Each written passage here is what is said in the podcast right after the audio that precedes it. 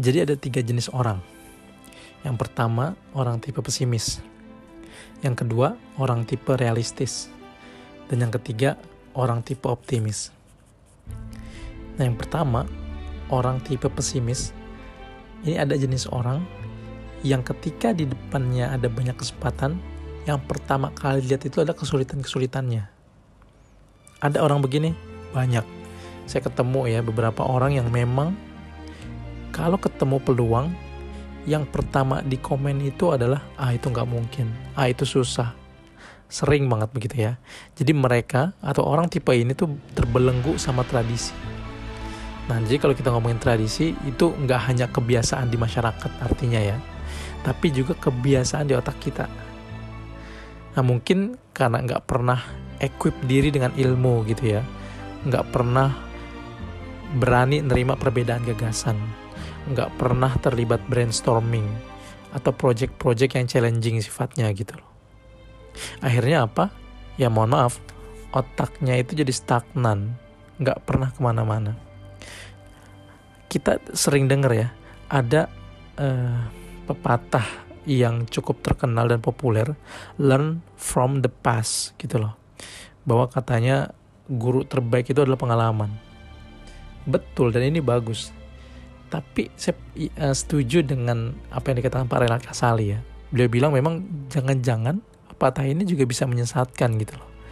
Karena berapa banyak orang yang terbiasa dengan pengalaman-pengalamannya akhirnya ngebikin mental block gitu kan. Jadi dia nggak berani ngambil kesempatan A, nggak berani ngambil peluang B gitu. Mestinya kita sudah mulai harus membuka pintu baru yaitu learn from the future. Gimana kita ngelihat sesuatu dari kacamata masa depan gitu. Ini artinya ada peluang belajar. Nah ini uh, tipe pertama orang yang pesimis gitu ya.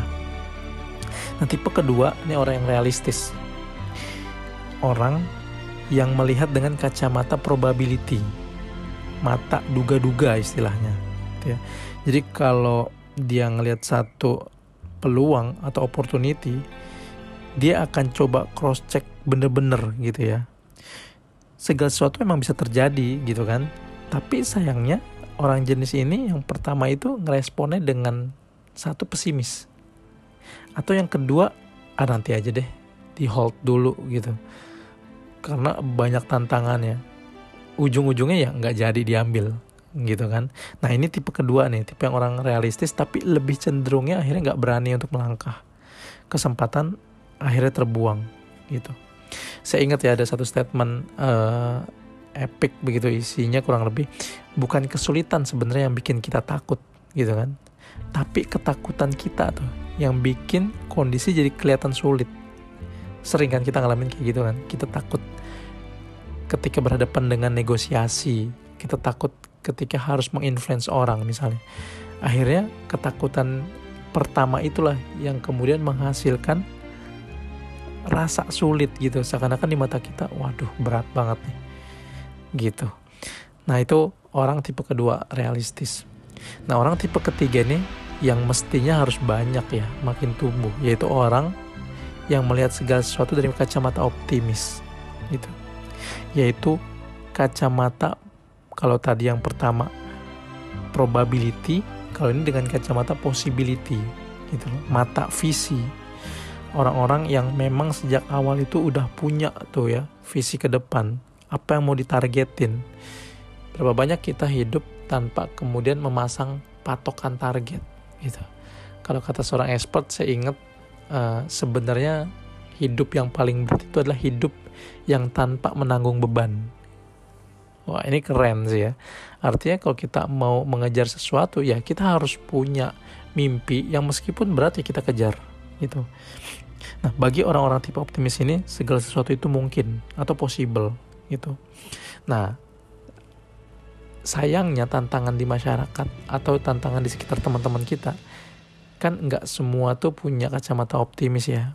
Berapa banyak kita dikelilingi sama orang pesimis. Saya dulu kalau seandainya saya ngikutin pendapat orang mungkin buku Leiden itu nggak pernah bisa dikenal sampai hari ini. Waktu itu awal pembuatannya saya masih punya draft lalu saya ngajuin testimoni ke seorang senior dibilang bahwa tulisannya mah ini hanya cocok untuk anak SMP saya ingat banget dulu ya. Tapi kalau hari itu saya nyerah gitu ya saya nggak akan ke mana-mana. Saya simpen statementnya dia saya tap dalam hati gitu ya. Oke hari ini mungkin banyak kekurangan. Saya simpen saya akan ngelawan gitu. Ya alhamdulillah dirapihin sedikit gitu ya. Cetakan pertama seribuan habis. Cetakan kedua dicetak ulang lagi seribuan habis. Sampai kemudian dicetak sama Gramedia misalnya. Itu contoh. Pernah juga misalnya dulu uh, saya nggak berani ngisi sharing gitu ya. Bahkan ngomong di depan umum pun masih malu-malu. Satu peristiwa di zaman awal-awal kampus saya jadi MC megang contekan pula gitu ya pakai kertas. Cuman ngomongin rundown di depan panggung itu sampai gemeteran tangannya. Hari itu saya diketawain sama senior saya. Wah tangan lo tadi gemeteran. Tapi saya simpen juga itu tadi sama kayak peristiwa pertama. Saya simpen saya ngelawan gitu loh dan saya janji saya akan ngisi sampai 100 kali saya bilang tuh selama kuliah. Ingat banget saya.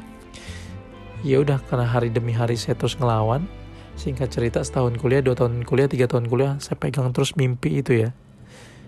Di tahun keempat ketika saya pengen lulus ya kurang lebih tahun-tahun terakhir gitu ya setiap saya ngisi tuh saya catetin terus semuanya tuh dari sejak tahun awal. Alhamdulillah pas sudah mau lulus saya buka catatan itu satu persatu. Ternyata hampir. Kalau cita-cita saya dulu kan 100 kali ngisi ya. Ini Alhamdulillah hampir 300 kali ngisi sharing gitu ya di depan audiens yang besar. Nah ini kacamata optimis karena saya memulai diri saya dengan mindset yang terbuka gitu dengan mata visi. Uh, ada pesan ya. Kalau kata uh, rekan saya itu ingat banget ya jauh-jauh sama negative people katanya because they have any problem for every solution dan memang bener ya berapa sering kita punya teman yang akhirnya nggak ngajak kita ke mana-mana karena mereka sudah terpasang mental block karena mungkin mereka tidak pernah mengequip diri mereka dengan insight-insight, dengan keterampilan skill atau mindset yang baru. Gitu. Banyak orang yang punya otak katanya gitu ya. Tapi sedikit orang yang punya mindset yang benar. Nah, syarat untuk tumbuh ya kita harus dikelilingi sama orang-orang yang optimis, optimis kayak begini. Semoga bermanfaat.